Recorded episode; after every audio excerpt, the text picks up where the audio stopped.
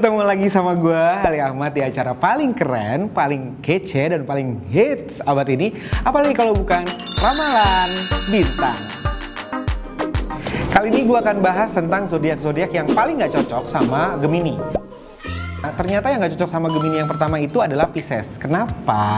Pisces itu kebetulan gampang banget berubah mood. Dia tuh labil. Si Gemini tuh udah nyantai-nyantai aja. Terus kalau yang satu kurang nyantai kan kayaknya itu akan jadi satu hal yang nggak bisa bikin hubungan ini atau apa pun ini berjalan dengan baik. Kecenderungan Gemini yang suka bikin baper itu masalah banget nanti buat si Pisces. Piscesnya insecure, terus yang satunya seneng banget PHP-in. Jadi nanti, wah udah nggak cocok deh pokoknya.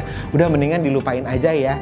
Yang kedua, zodiak yang paling gak cocok sama Gemini itu adalah Virgo ternyata. Virgo itu orangnya cukup perfeksionis, sementara Gemini itu orangnya fleksibel. Yang fleksibel ditarik ke mana-mana bisa, tapi yang perfeksionis mau ditarik ke mana, dia akan ikut dalam ruang lingkupnya aja gitu loh. Akhirnya si Gemini akan berpendapat bahwa Virgo itu bukan teman main yang menyenangkan. Ya udah gitu, nggak bisa ketemu nih. Yang satu terlalu fleksibel kayak karet, yang satu perfeksionis kayak batu. Susah sih.